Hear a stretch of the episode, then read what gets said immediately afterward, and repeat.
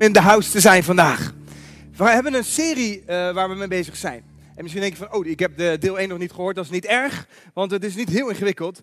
We, we praten deze dagen over, of deze weken over gebed. En misschien is het juist wel interessant om, om eens, eens, eens te verdiepen in wat gebed is en waarom dat belangrijk is. Natuurlijk, eh, bijna alle religies hebben wel gebed en is, is een onderdeel daarvan. En, en ik geloof dat het uh, iets is wat, wat, uh, als je misschien niet gelovig bent, dan, dan noemen sommige mensen dat meditatie. Of weet je, je hebt allerlei verschillende invullingen. En, en ik denk dat het een ding is waar veel mensen op de een of andere manier wel mee bezig zijn. Maar echt gebed, zoals we in de Bijbel lezen, is communicatie met God. En waar we vorige week over hadden is, wat dan? Wat, wat, is dan? wat is dan gebed? Vandaag gaan we praten over hoe dan? Hoe bid je? Hoe gaat dat? En welke, welke manieren zijn er in ons leven waarop, uh, wat we uit de Bijbel kunnen halen? De Bijbel leert ons op heel verschillende manieren hoe we kunnen bidden. Dus ik hoop dat je er klaar voor bent. Dat je ready bent voor een goede, goede uh, interessante deel 2 van vandaag. En, en vandaag gaan we dus verder over gebed. Hoe gaat dat? Hoe kun je bidden? En misschien denk je wel van, ja, ben ik nou daarom helemaal naar de kerk gekomen? Ik kom al jaren. Nou, dan is het denk ik nog steeds interessant. Want we hebben allemaal weer dingen waar we aan kunnen scherpen. En, we, we, hebben net natuurlijk heel veel kinderen zien staan. Of tenminste ouders met een paar kinderen. Um, en uh, en, en wat, je, wat altijd interessant is, is dat... Het is eigenlijk net een beetje als met gebed, maar je hebt niet echt meer een, een optie als je de opvoeding goed wil doen. Dan moet je alles doen. Toch? De nachten horen er ook bij. Je kan niet zeggen van uh, morgenochtend gaan we weer door. We kijken maar vannacht. De luiers horen er ook bij de, de, de, uh, alles hoort erbij. Je, en, en, het ene is wat makkelijker dan het ander, het ene is ook wat leuker dan het ander. Toch? Nee? Nou is het moment om ja te knikken. nee, maar alles hoort erbij. En het ding is, sommige dingen gaan makkelijk en andere gaan moeilijker. Sommige dingen zijn, moet je echt nog leren. Daar kun je langzaamaan beter in worden. Maar één ding is zeker, het moet allemaal doorgaan. Alles wat, wat hoort bij opvoeden, bij het zorgen voor de kinderen, zeker voor de baby's. Het hoort erbij en dat gaat door. Als je daarmee stopt, dan op een gegeven moment gaat het niet meer goed met je kindje. En zo is het eigenlijk een klein beetje, maar in ons eigen leven met God ook. Als je zegt, ik vind mijn communicatie met God. Vorige week hebben we gesproken over gebed is jouw communicatie met God. Zonder communicatie kun je geen relatie bouwen. Toch?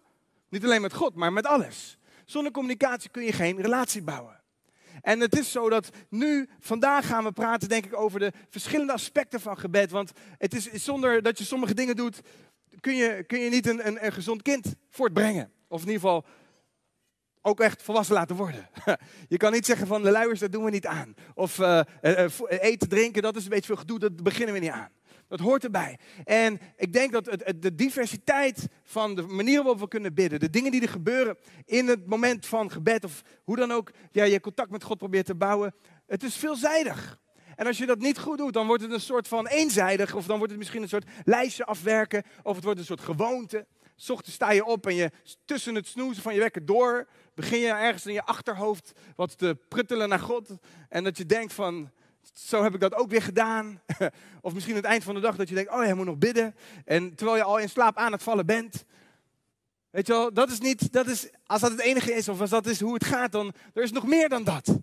Als dat zo is, hoe als dat de manier is hoe je relatie bouwt, dan is het ook niet altijd heel, dat gaat ook niet lang, lang goed. en ik denk dat waar we vandaag naar gaan kijken is datgene wat heel interessant is.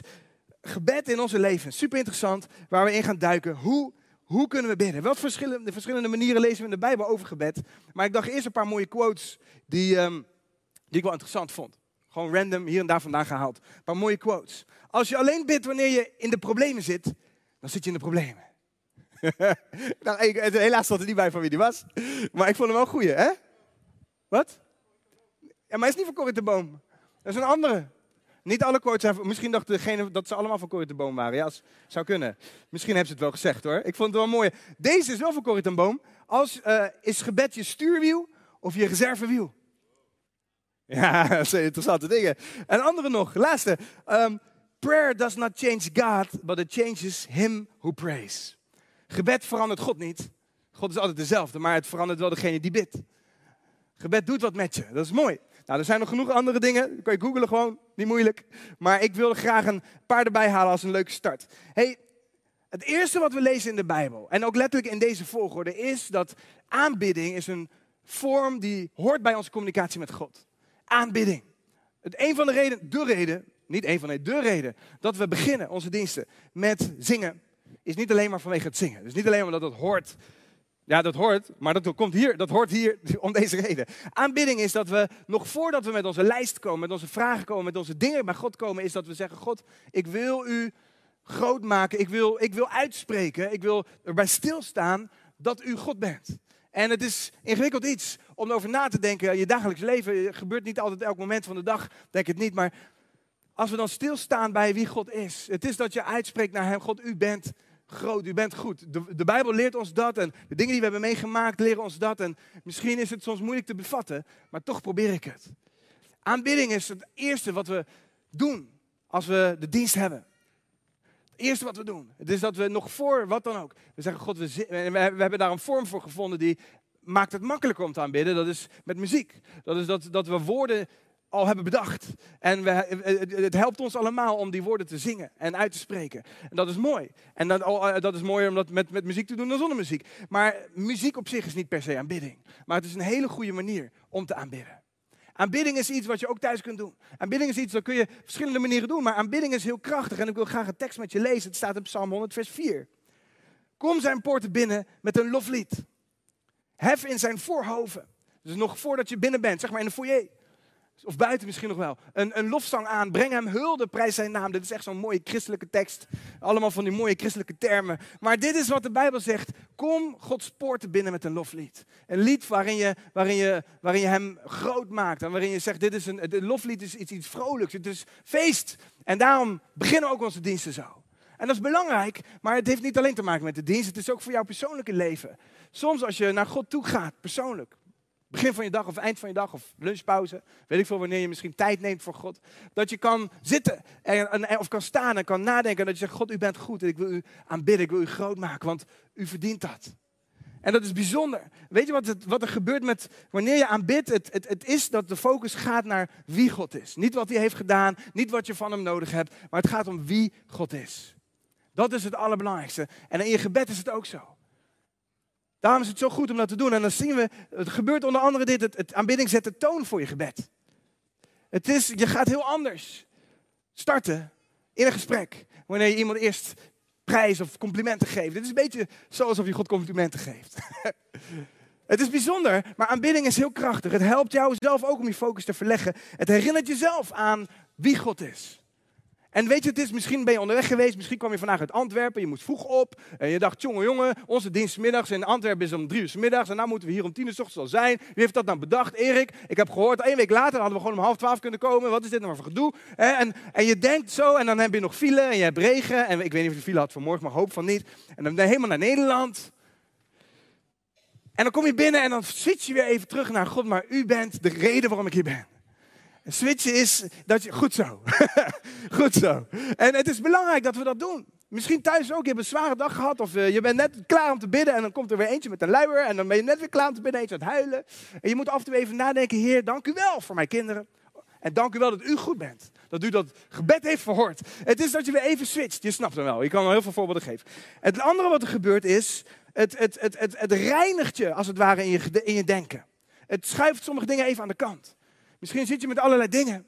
En dat is ook goed.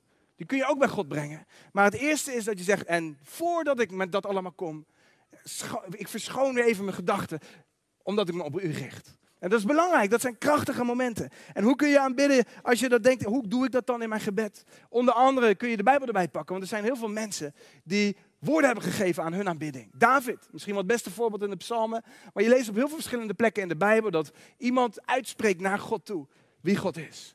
En dat helpt jou ook om weer even te bedenken hoe, hoe, hoe, hoe God is, wie Hij is en al die dingen. Het is mooi om te zien. Aanbidding. Het volgende wat je ziet um, is dat je kan tegen God praten in je eigen taal, je eigen woorden. Dat is ook mooi. Je kan misschien meezingen. Of gewoon zingen, maar meezingen helpt ook.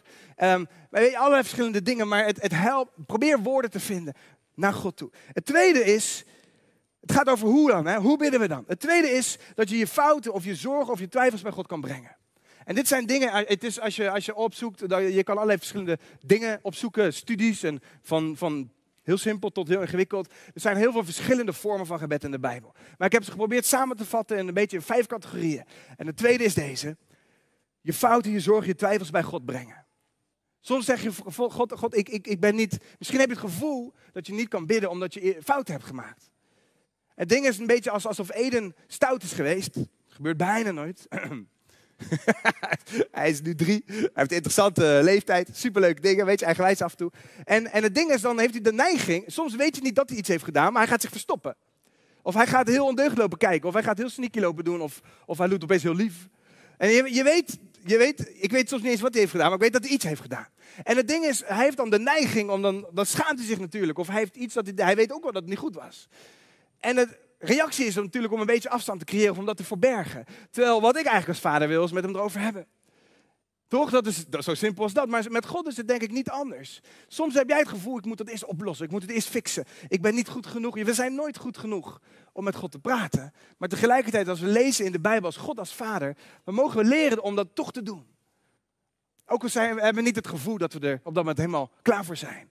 In 1, 1 vers 9 staat, of nee, ik lees 1 Petrus 5. Mooi, 1 Petrus 5. Give all your worries and cares to God, for he cares about you. Geef al je zorgen en al je, de dingen die, waar je mee zit, geef ze aan hem. En, en die tekst die ik net oversloeg, die staat in 1 Johannes 1 vers 9. Maar daar staat over dat we de dingen mogen beleiden. De dingen die we fout hebben gedaan. Mogen zeggen, wilt u, God, ik heb het verkeerd gedaan. Wilt u me vergeven? Wilt u me helpen om het niet meer nog een keer te doen? Zo simpel als dat, maar zo krachtig als dat. En het is niet de bedoeling dat het afstand creëert tussen ons en God. Maar het is de bedoeling dat we met hem erover kunnen praten. En dat het ons dichter bij hem brengt. Dat is belangrijk dat we dat op die manier zien. En het is mooi om te weten dat God ons uitnodigt op heel veel verschillende plekken in de Bijbel. Om met hem te praten. Ook over de dingen die niet goed gaan. Ook over de zorgen die we hebben. Over de angsten die we hebben. We zingen er ook over. Die teksten die we zingen, die komen ook uit de Bijbel. Voor een groot deel. Het is belangrijk dat we dat weten. Het derde wat we zien in de vormen van gebed is danken. Het is niet hetzelfde als aanbidding, want aanbidding gaat over wie God is. En danken gaat over wat God heeft gedaan. Het zijn twee verschillende dingen, dat is belangrijk. God danken is, is iets wat altijd erbij hoort. En lezen we in de Bijbel in um, 1 Thessalonicense 5 vers 18. Dank God onder alle omstandigheden. Heer, dank u wel voor corona. Nee, ondanks corona. Dat is belangrijk. En soms denk je wel van, maar ik heb zoveel dingen. Er zijn dus gedoe. Er zijn problemen. Of misschien heb je oprecht zorgen. En ik denk dat het heel belangrijk is dat we leren dat ondanks, zoals de Bijbel zegt, ondanks die dingen, dat we God kunnen danken voor wie Hij is, voor wat Hij doet. Dat we Hem kunnen danken ondanks omstandigheden, ondanks dat gebeden niet verhoord zijn, waar we volgende week meer over gaan horen. Ondanks dat er misschien dingen zijn dat je denkt, maar Heer, hoe dan? Hoe kan dit zo zijn? Waarom is België niet door naar de finale? Of Nederland? Of allebei? Dat had een hele mooie finale geweest. Maar Heer, toch dank ik u.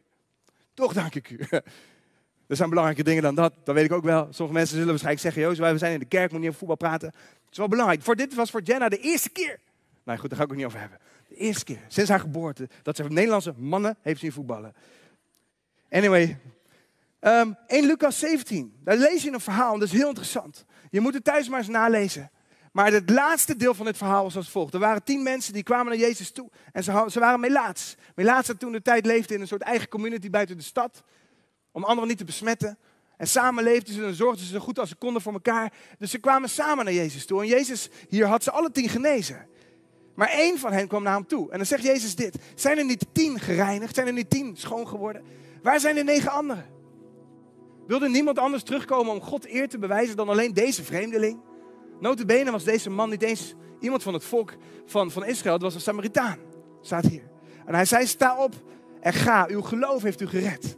Wat je ziet is dat Jezus duidelijk teleurgesteld is. Misschien een beetje verbaasd. Dat nadat dat hij ze had genezen, dat 9 van de 10 niet terugkwamen bij hem om hem te bedanken. Het is niet zo dat die genezing dan niet meer gold. Maar ik, je ziet duidelijk dat Jezus verdrietig was. En ik denk, ik snap het heel goed, maar het is zo belangrijk om te danken als God iets heeft gedaan. We hebben misschien vanmorgen nog wel gebeden voor iets van jouw noden. En dan vergeet niet God te danken als hij dat ook echt heeft gedaan. Vergeet niet God te danken. Zo belangrijk. En zo vaak bidden we, ik zelf soms ook, dan bid ik voor iets. Heer, wilt u dit doen? Of, oh Heer, wilt u me helpen? Of wilt u me wijsheid geven? Wilt u me helpen het uh, gesprek wat ik zo heb? Of wilt u me helpen de juiste keuze te maken? We bidden voor u, allerlei dingen. En aan het eind vergeet je zo vaak, dan neem je het voor lief dat het goed ging. Vergeet je zo vaak om God te bedanken. Ook al denk je van, ja goed, het ging gewoon goed, dat was prima, was gewoon... Maar we moeten dingen niet te veel gewoon vinden in ons leven met God. Het vierde wat we zien, vragen. Vraag God om dingen. Maar niet als allereerst per se. Kom niet gelijk allereerst, soms mag dat. Ik bedoel, er staat in de Bijbel vaak genoeg dat je ziet dat iemand uit een nood zich richt tot God.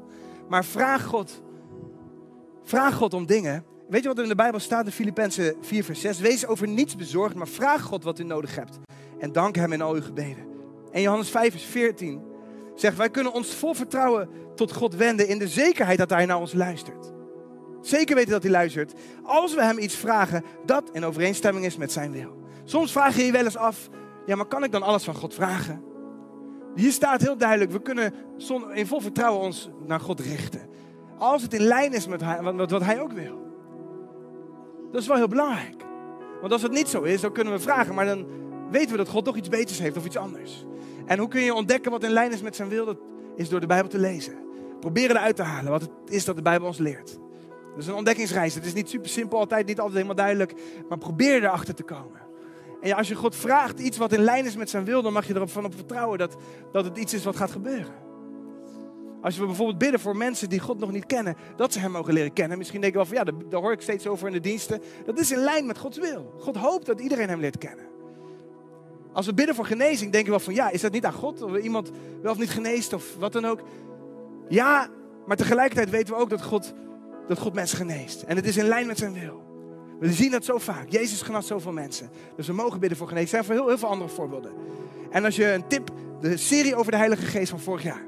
Je kan hem terugkijken natuurlijk via YouTube. Maar daar lees je over wat Gods geest in ons, Gods kracht in ons allemaal wel niet is. Een geest van wijsheid, van verstand. God wil je helpen in je persoonlijke dagelijkse reis. Dat is super belangrijk. Dus vraag God om dingen. Vraag God om dingen. Waar kun je dan voor bidden? Je persoonlijk, maar ook voor je karaktervorming. Voor dingen bij jou van binnen. Vraag hem om niet jouw partner beter te veranderen. Je partner is vervelend en je partner moet zus en zo. Maar vraag God ook om in jou te werken. Bid voor jezelf. Vraag God voor wijsheid. Vraag God voor de, wat dan ook. Belangrijk. Maar ook in, in, in je gezin of de directe omgeving. Bid dat God jou kan gebruiken en, en, en dat, hij jou, dat werk in jou, dat hij dat wil voortzetten en dat hij de ruimte daarvoor krijgt, al die dingen. Het is goed om daarvoor te bidden. Bid je daar wel eens voor? Het, de laatste is, wat we in de Bijbel ook zien, is voorbeden. Je hoort het wel eens vaker, zeker als je wat langer in de kerk komt. Voorbeden. Bidden voor anderen. Bidden voor anderen. En je ziet in de Bijbel dat het zo belangrijk is.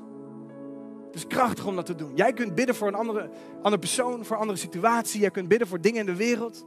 Want gebed is krachtig. Het is niet alleen maar beperkt tot je eigen wereld. Jij kan bidden voor Antwerpen. Sterker nog, we hebben dat jarenlang gedaan. En kijk wat er aan het gebeuren is. Ik hoop dat Antwerpen ook een beetje voor ons bidt. We hebben ook gebed nodig hier. Ik hoop dat we met elkaar bidden voor elkaar, met elkaar. Maar het is belangrijk. Belangrijk, voorbeden voor situaties, voor mensen die God nodig hebben. Misschien mensen die zelf God nog niet eens kennen. In de Bijbel zie je dat er een. een nee, goed, dat is voor de, voor de volgende week. Voor de volgende week. hey, en het is zo mooi. Weet je wat je ziet in Matthäus 5 en in Lucas 6? Allebei. Jezus zegt: bid voor je vijanden. Oei. En niet dat ze, dat ze pijn krijgen, dat ze doodgaan, dat ze het moeilijk gaan krijgen. Niet een gebed uit wraak, uit boosheid. Nee, een gebed dat je zegt: God, wilt u ook hen helpen? Wilt u in hun leven komen? Wilt u hun leven omdraaien? Als we zelfs voor onze vijanden moeten bidden, hoe goed is het om te bidden? Voor anderen, voor situaties, voor mensen, voor dingen. En onderschat de kracht van gebed niet. Want God is een, een machtige God. En ik hoop dat het je helpt om zo te kijken naar gebed. Dit zijn vormen van gebed. Probeer het allemaal onderdeel te maken van je gebedsleven. Probeer erin te groeien. Want daarmee bouwen we ons contact met Hem, maar daarmee ook kunnen we ontdekken steeds meer en meer hoe krachtig gebed is. Ik hoop dat je daarvan leert. En ook zeker, ouders, bid voor je kinderen, bid voor jezelf. In de opvoeding, bid voor geduld en energie als je het nodig hebt s'nachts. Maar bid, het is zo belangrijk en soms onderschatten we het. Of doen we het pas als we in de problemen komen.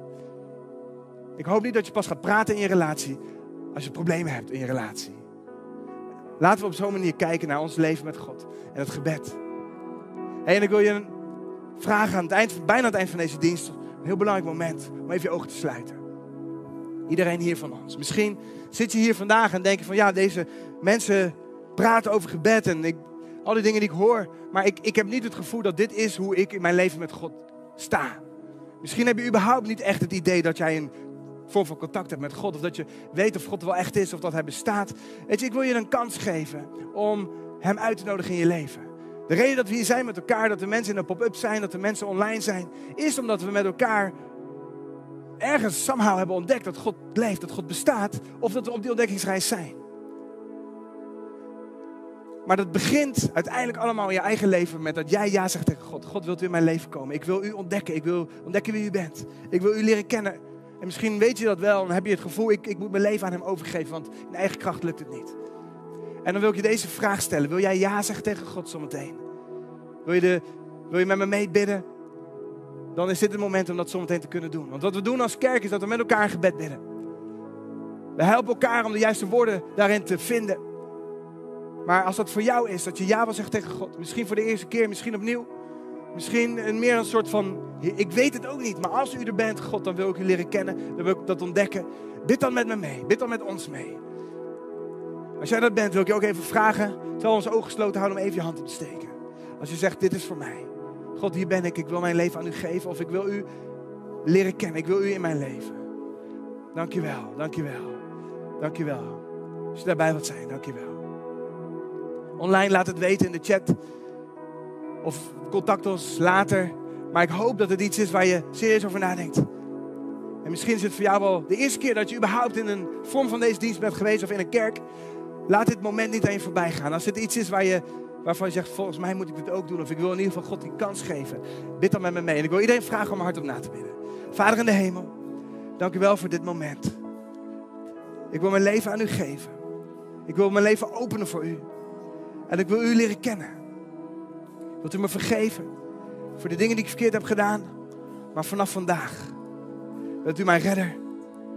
Bent u mijn leider. Wilt u mijn allerbeste vriend worden, Jezus. En wilt u mij helpen om te groeien in mijn relatie met u. Dank u wel daarvoor. Amen. Amen. Hey, laat u de mensen bemoedigen die de keuze hebben gemaakt. Dank je wel. Zo goed. Misschien dacht je wel van, oh, dat was ook voor mij. Er gingen heel veel handen omhoog, maar misschien was het ook voor jou. En dat je dacht van, ja, dit was iets. Ik wil mijn leven inderdaad openen voor God. Die reis die we gaan is niet iets wat je alleen hoeft te doen. De hele reden dat de kerk nog bestaat is omdat we dat samen kunnen doen. Omdat we elkaar nodig hebben. Elkaar kunnen helpen. En dat is het leuke ook. Alle generaties, allerlei culturen, allerlei mensen samen. Dat is zoiets moois. En uh, dus ik nodig je uit. Hier of in Antwerpen of zo, ik zeg maar wat. Als je ergens in de buurt een goede kerk zoekt, uh, probeer dat te doen. Omdat je die reis samen zoveel beter gaat dan dat we met elkaar, uh, dan, dan, dan, alleen proberen. Dus gefeliciteerd met die keus. En we gaan nog even door. We gaan nog even door.